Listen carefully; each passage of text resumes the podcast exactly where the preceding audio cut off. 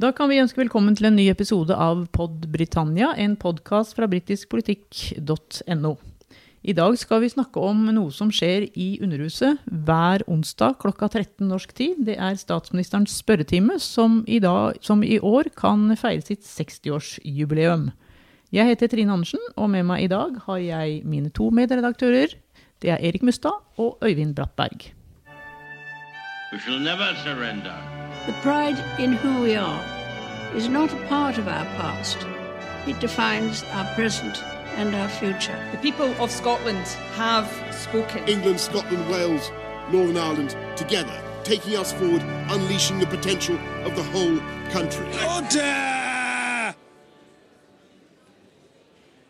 Ja, Øyvind, i 1961 så prøvde de for første gang ut dette med en, at statsministeren skulle møte i spørretimen i Underhuset. Hva var bakgrunnen til, at det, til at det ble innført?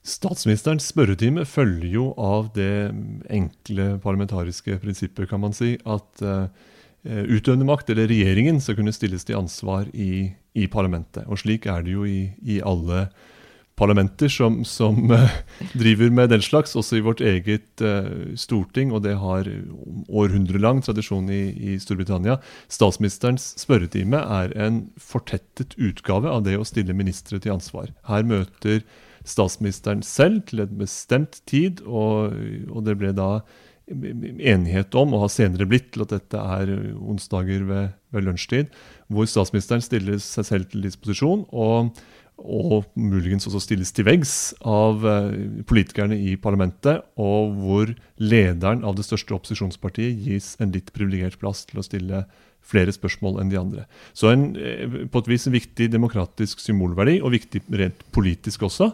Regjeringen ved statsministeren selv møter i parlamentet for å svare på spørsmål. Det skjer altså hver, hver onsdag, slik man gjør det i Westminster. Ja, Erik, kan ikke du fortelle litt om hvordan denne spørretimen er bygd opp? For her er det visse regler som gjelder. Hvor mange spørsmål f.eks. lederen av opposisjonen, som nå i dag er Labours Sir Keir Starmer, kan stille til statsministeren? Ja, eh, opposisjonslederen har da det privilegiet som Øyvind var inne på, at eh, han eller hun kan stille seks, inntil seks spørsmål. Eh, og Det betyr også at det nest største opposisjonspartiet har to spørsmål til rådighet eh, å stille til, til statsministeren. Eh, og så er det oppfølgingsspørsmål eh, både fra opposisjonslederen eh, og fra andre partiledere. Og så stilles det jo da fritt etter hvert at eh, hele salen kan spørre. Det gjelder også regjeringspartiets eh, parlamentsmedlemmer. At de har muligheten til å stille spørsmål til sin egen regjering. Så da, da slippes det fritt etter hvert som de seks er spurt fra opposisjonslederen to fra det nest største partiet, som akkurat nå er det skotske nasjonalistpartiet. Og det er Jean Blackwell som er leder for Jean Blackford. Ja, Jean Blackford, mener jeg. som er, Blackwell var en bokhandel uh, i sin tid. Uh, men, uh, men Blackford, som vi har spist lunsj eller frokost med, tror det jeg. Trine, har vi, faktisk. vet du. ja da. Så, så, da kan han stille to spørsmål på vegne av, av, sitt parti. Og så slippes det da fritt for, for andre MPs. Ja, Når du sier 'slippes fritt', Erik, det er jo vel få spørretimer i verden som er mer berømte enn denne i Underhuset, om vi i det hele tatt snakker om noen andre spørretimer. Og, og, det er jo den dagen i uka hvor det er mest bråk i Underhuset. Det, er det lov til å gjøre alt? Kan de pipe og hyle og skrike og herje alt de vil her, eller Øyvind?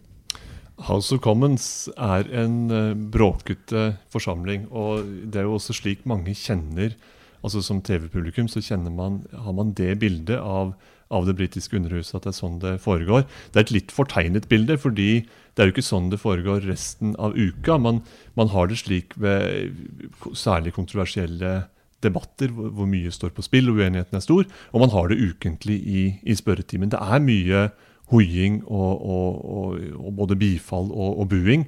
Og det forsterkes jo av den, den veldig sterke motsetningen mellom regjeringspartiet på den ene siden og opposisjonen som er plassert, plassert på de motstående benkene. Hvor hele skoleringen jo handler om å, å rope motparten i senk. Eh, I britisk politisk kultur så er det jo mange av, av eh, disse parlamentarikerne som har det med fra ymse debating societies på de beste universitetene og, og, og, og slikt, hvor det å kunne dels å snakke motstanderen i senk, og dels kunne bruke mange andre lyder fra, som publikum, det er en vesentlig del av, av, av sporten. Så det er, en, det er en side ved britisk politisk kultur som stilles åpent til skue i eh, statsministerens spørretime. Ja, åpent til skue. Det blir jo sendt da på, på fjernsyn direkte, denne spørretimen som regel. Og eh, den første, den første, gang det skjedde, det var altså i 1990. Da mm. ble det vist live på TV for første gang. Og du har sagt eh, tidligere Erik, at da fikk det britiske publikum et lite sjokk? Ja, eh, jeg har sett den første sendinga der som gikk på BBC. Og eh, det britiske publikummet fikk sjokk når de så hvordan disse oppførte seg under spørretimen. Og som Øyvind var inne på, det er mye ståk og bråk og buing og hyling. Og parlamentsmedlemmer som reiser seg og som setter seg. Og det er et slags sirkus som vi er vitne til akkurat da. Da det britiske folk hadde mulighet muligheten til å se dette sirkuset gjennom TV-skjermen, så var det veldig mange som reagerte og lurte på hva som foregikk egentlig i Underhuset. Men så er det da denne sesjonen, holdt jeg på å si, som, altså denne eh, timen som, som er tilsidesatt for, for dette, eh, eller satt av til dette. Og så er andre debatter mye mer siviliserte enn, enn det vi kanskje opplever akkurat da. Så det er jo et spill i og med at eh, de sitter mot hverandre, som Øyvind var inne på her, som gjør at temperaturen blir veldig høy. For under spørretimen så er det veldig mange eh, parlamentsmedlemmer til stede. Mange flere enn det det pleier å være under ordinære debatter i, i Underhuset. Så eh, TV-en har nok eh, vært på, både, på, på, både godt og vondt for, for, for, britiske, for britiske politikere. Ja, Dette er jo litt av en reklameplakat, da, egentlig for eh, Eller det motsatte, for en, for en, statsminister. Og for opposisjonslederen, ikke minst. Og vi har jo sett det nå under denne pandemitiden at eh, for, den, for Labour-leder eh, Sir Keir som da ble valgt for halvannet år siden, så var vel spørretimen nesten eneste muligheten han hadde til å vise seg fram for det britiske folk. Han har jo først nå i, i de siste ukene fått anledning til å dra rundt i landet og snakke med folk. Og det hele har da, i, i, eh, gjennom dette siste året, hvor eh, Starmer har vært opposisjonsleder, så har jo spørretimen eh, og annen parlamentsaktivitet også gått for halv maskin, vært delvis digital. Noe som jo er fullstendig uten presedens. Det har man aldri praktisert før. Og det, det, bryter jo veldig med det litt sånn den, den maskuline, bøllete, fortettede stemningen som normalt råder. Nå har man hatt en del av parlamentarikerne til stede via skjerm, eh, som har fungert eh, til tider veldig, veldig dårlig. Ikke bare eh, sånn, i, i, som debattsform, men også rent teknisk har det vært trøbbel med, med dette. Men da, da, innebærer det jo at, at, man bryter ned det som er en veldig levende eh, vilter sirkusarena til en mer av en sånn spørsmål-svar-seanse. Eh, og det har ikke på langt nær fungert like godt. Ikke for noen av, for noen av partene, vil jeg, vil jeg, si. Og det, selv om man kan stille seg veldig kritisk til at, at det er mer sirkus enn innhold eh, i måten denne eh, seansen vanligvis fungerer, så skal man huske på at det er en viktig synliggjøring av britisk politikk og britisk demokrati. I Storbritannia så har parlamentet en enda sterkere symbolverdi enn Stortinget har i norsk demokratiforståelse. Det her, dette er på en måte demokratiets kjerne. Eh, og da tar man den, den, den ville oppførselen med på kjøpet og, og, sier at det er iallfall her det foregår. Det er i denne heksegryta alt finner sted. Så det er nok mange som gleder seg til at livet skal, skal blomstre fritt eh, etter pandemien, også innenfor eh, de, de trange veggene i House of Commons. Ja, Dere har jo begge to fulgt britisk politikk, eller vel alle tre har vel fulgt britisk politikk i ganske mange, mange tiår, faktisk. Og Erik, du har jo faktisk opplevd en av de som vel behersket spørretimen best, nemlig Margaret Thatcher, du, live i, i parlamentet, i Underhuset, i spørretimen. Hvordan var det? Det var en eh, fantastisk eh, opplevelse for en ung mann på slutten av 80-tallet. og eh, oppleve Margaret Thatcher, eh, og enten man var enig eller uenig, eh, kanskje mest uenig i den politikken hun, hun drev, eh, så var det utrolig spennende å se denne slagferdigheten i språket hennes, måten hun svarte på spørsmål, måten hun parerte spørsmål, spurte spørsmål tilbake igjen som en del av svaret. Hadde ingen papirer foran seg. Hun kom med håndveska over armen og gikk med håndveska over armen. og alt som ingenting hadde festa seg på, eller hun hadde ikke tatt til seg noe. Hun visste jo selvfølgelig alt, hun kunne alt. det var, eh, ja, det var politisk retorisk kunst på sitt aller beste. Eh, så hun hadde jo en, en veldig sterk tilstedeværelse i, i spørretimene, og det kan man, det kan man også se i, i, filmer og TV-serier som er lavt om Margaret Thatcher, hvor de har gjenskapt mye av dette. Eh, for eh, du var jo inne på at dette ble begynt eh, på fjernsyn i 1990, og da vet vi jo at Margaret Thatcher gikk av i, 1990 og ble erstatta av John Major, som jeg også så, som, som jeg har stor tillit til som politiker, men den retoriske frontfiguren som Thatcher var, det var ikke John Major. Og han var mer avhengig av å se på notatene sine og kikke i denne røde boka, som er alltid en medkompanjong i, i spørretimen for statsministeren, som, som, regel. Thatcher hadde da ikke den, men John Major hadde den. Men uh, Thatcher, ja, det sitter frist i minnet enda. Hva med deg, Øyvind? Har du opplevd noen live i spørretimen? Jeg har faktisk ikke vært til stede ved, eh, ved selve spørretimen. Jeg har sett annen eh, debatt i, i parlamentet. Men det, man får jo et ganske Det man ikke helt får inntrykk av kanskje gjennom, gjennom eh, TV-skjermen, er hvor lite det faktisk er. Mm. Selve salen, hvor liten mm. den er.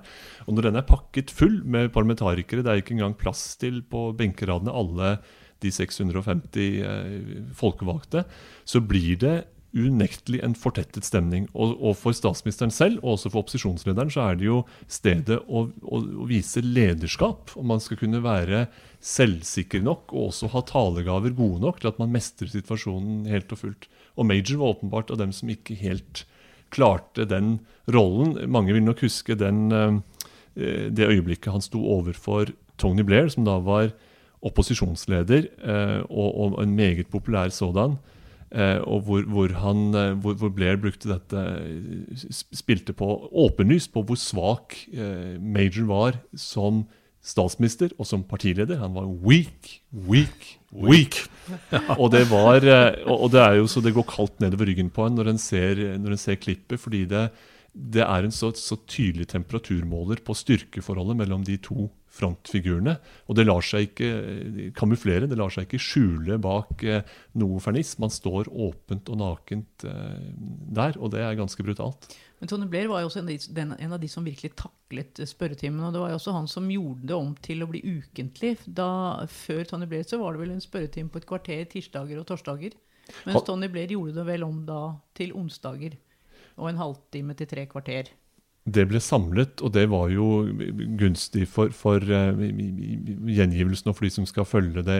Og, som, og da som en ukentlig seanse var det jo, hadde jo en publikumsverdi på den måten. Og så var det også praktisk for statsministeren, helt åpenbart, at det er én sesjon man skal forberede seg til, med all den energi og fokus det krever. Istedenfor at man skal danse rundt dette flere ganger i uka, så har man samlet det på, på onsdag. Så det var nok et smart grep, og det har også styrket dramaturgien, kan man vel si. Ja, absolutt. Og, og eh, Tony Blair var også fremragende i, eh, i, Underhuset, og var litt lik Thatcher på mange måter, med den selvtilliten, den framtoninga, den verbale styrken han hadde i språket sitt, gjorde jo at det minna mye om, om, Margaret Thatcher. Og den som Øyvind var inne på her, med weak, weak, weak overfor John Major, det sa jo også noe om styrkeforholdet i partiene de sine. At uh, selvfølgelig John Major på slutten hadde tapt sitt flertall, sitt lille flertall på 21 fra valget i 1992. Og, og vi visste jo alle i 1997, da, da, da Blair vant, at han kom til å vinne med stor margin. Så, så, så det var, men, men, den står jo ut som, som en av, av kanskje eh, som en av de store forskjellene på en opposisjonsleder og en statsminister, hvor den ene er på vei ned og den andre er på vei opp. Så det blir jo et, en slags sånn show-off i forhold til styrkeforhold, eh, i forhold til hvem som er oppadgående og hvem som er nedadgående. Eh, for det er klart, den selvtilliten du skal ha for å stå opp og ta alt dette som statsminister, den, den er ganske stor. Du skal ha et ganske du skal være ganske politisk bevisst og har god selvtillit, god innsikt i det meste. Du skal svare på ting. Så det er klart det er tøft å stå der, spesielt som det var for John Major i 1996-97. Det, det, gjelder også egen parlamentsgruppe. og Det ja. er noe som mange nordmenn tror jeg kanskje ikke er, er så bevisst. Én ting er hva motpartens eh, støttespillere hyler tilbake til en, men også ens eget bakland. Det er jo Eh, det konservative partiet har kanskje vært aller mest kjent for det å kunne dolke egne ledere i ryggen når, det, når, når tiden, deres tid er omme. Men det er jo en, et, også en indikator på eh, styrken i politisk lederskap, og spesielt styrken i statsministerens popularitet. Hvor god backing har han eller hun fra egne parlamentarikere, fra egen parlamentsgruppe? Roper de høyt nok som bifall, eller, eller er det ansporing til mumling og, og, til og med noen små tilløp til, til, til uh, hatske utslag mot ens egen leder? Det kan man også lytte etter i, uh, i, i spørretimen. Ja, Vi har vel hørt, eh, hørt bl.a. med Theresa May at det var litt sånn hatske utspill fra hennes egne under hennes mm. spørretimer, så vidt jeg husker. Og det er jo, det, det er jo noe som får en, en, leder med god grunn til å skjelve i buksene eller skjørtene, når man, eh, når man kan um, oppleve at støtten er slett ikke unison blant ens egne, selv ikke når virkelig hardt settes mot hardt, som det jo gjøres i, i spørretimen det er, eh, det er, brutalt. Men er jo denne seansen er jo en blanding av lagsport, altså oss mot dem, og samtidig også en markering av den frittstående rollen som parlamentarikere har. Både i å representere seg selv, sine eh, egne saker og sin egen valgkrets. Eh, og den balansen er også viktig å, å merke seg for britiske parlamentarikere mange gjør et stort poeng ut av å løfte fram lokale stridsspørsmål og få sagt de høyt. Ikke nødvendigvis for å få et tydelig svar, men for å ha markert at de representerer sin krets og ting som der skal rettes på, rett og slett. Ja, og det er en viktig del av jobben til parlamentarikerne, er jo å, å stå der som en blanding av seg selv som politiker som representerer et parti, men som har tilknytning geografisk til en valgkrets. Og hvis det er et sykehusspørsmål, transportspørsmål som de brenner for, så, så det å få lufta det i Underhuset, spesielt sånn som situasjonen er nå med sosiale medier, medier som dekker alt, så kan de kanskje få eh, en del ansporinger i forhold til saken sin. Så det, det er nok viktig, viktig, å gjøre. Og så er det jo dette med, med det konservative partiet, hvor, hvor mange har skjelva i skjørter og bukser opp igjennom, rett og slett fordi at det har vært mye strid i det konservative partiet. Og de har jo vært flinkere til å dolke sin leder i ryggen eh, offentlig i spørretimen enn kanskje Labour har gjort. Så eh, det å kanskje være konservativ statsminister er vanskeligere enn å være konservativ opposisjonsleder. Konservat, konservativ parti er jo det mest suksessrike eh, politiske partiet i vesteuropeisk politikk, hvis ikke jeg husker feil, gjennom det 20. århundre. Eh, og har jo vært vant til å være ved makten, nemlig å ha statsministeren eh, i spørretimen. Eh, men det er vel heller ingen andre partier som er var inne på, som vet å dolke lederen sin i ryggen når det er muligheter for det. Nei, det har vi nå sett mange eksempler på. Ja. Men, men, når du snakker om det konservative partiet, så må, kommer vi jo ikke utenom å, å, snakke om eh, han som nå leder det konservative partiet, da, Boris Johnson. Og vi har jo snakket litt om både han før og om da Sir Kirstarmer, hvordan han har uh, vært ganske suveren eh, i perioder i, i spørretimen mot Johnsen. Syns dere fremdeles at Stalmer Starmer klarer seg bedre enn Johnson? Jeg holdt på å si De fleste klarer seg vel bedre enn Johnson, for Johnson er vel den statsministeren som en har sett de siste par tiårene som ikke svarer på noe særlig spørsmål, eh, og som lager dette sirkuset til enda mer sirkus ved å bortforklare, ved å svare på noe annet, om snakke om noe annet, og unngå så langt det lar seg gjøre å konfrontere opposisjonslederen ved å komme med et svar. Uh, og det, det, Jeg syns Kier var mye bedre i fjor sommer enn han har vært nå, fram, fram til ferien i år. Uh, og det ser vi vel på meningsmålingene også, fordi at, uh, som vi var inne på, det har vært amputerte spørretimer pga. koronaen. Som har gjort at noen har sittet hjemme og noen har vært til stede i, i kammeret i, i, Underhuset.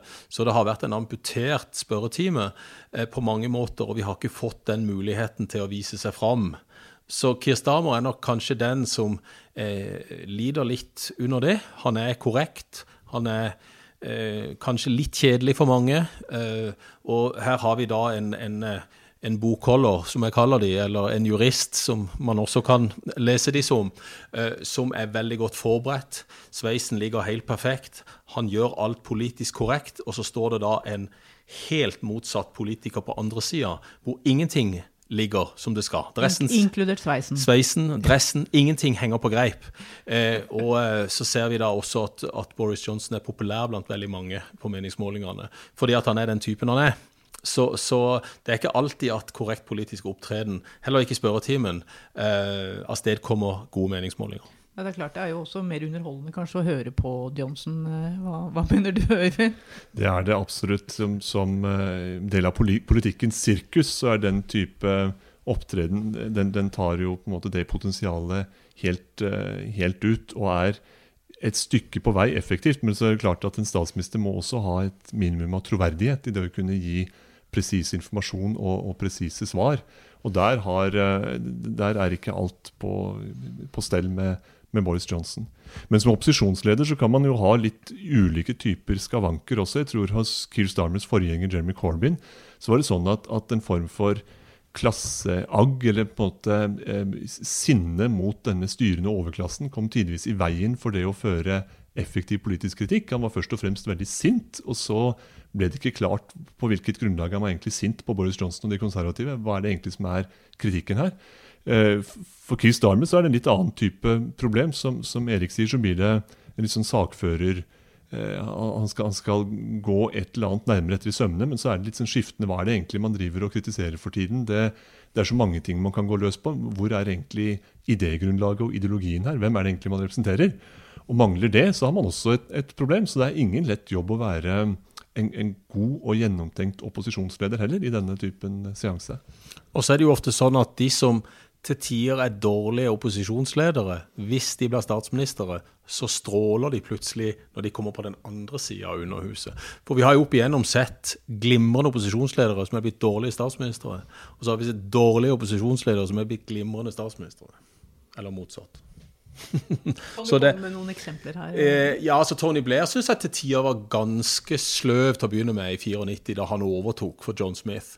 Eh, Thatcher var jo ikke spesielt god opposisjonsleder eh, i forhold til det hun var som statsminister.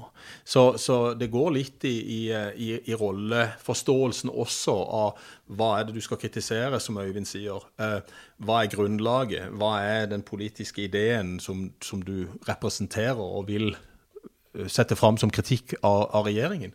Eh, mens hvis du da står som statsminister, så har du en helt annen forsvars politisk kamp du skal føre, eh, og det kan falle lettere for mange politikere å stå der som lederen, snarere enn som leder av en opposisjon. Det er vel, ja, det er vel ofte mye enklere å angripe enn å forsvare? Ja, men det er ikke alltid like lett å angripe heller. fordi at som, som vi kanskje har sett med Kier Starmer nå i løpet av det siste året, så var han veldig på offensiven. Han hadde lest alle rapportene. Han hadde all statistikken som han presenterte i forhold til pandemien i fjor sommer, i, i 2020, et par måneder etter Storbritannia stengte ned. Men så har det svunnet litt hen. Han har ikke klart å opprettholde den gode kritikken av regjeringen. Og, og da er det lettere for Boris Johnson å bare hive det til side.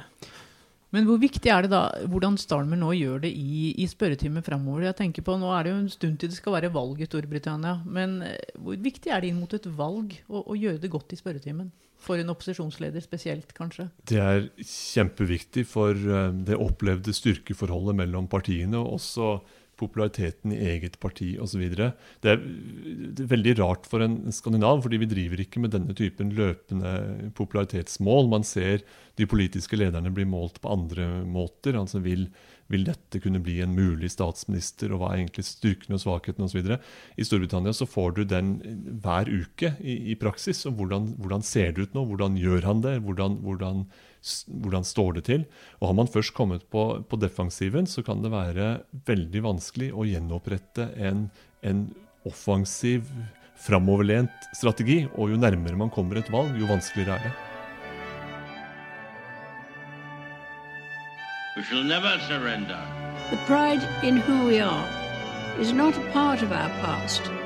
It defines our present and our future. The people of Scotland have spoken. England, Scotland, Wales, Northern Ireland, together, taking us forward, unleashing the potential of the whole country. Order!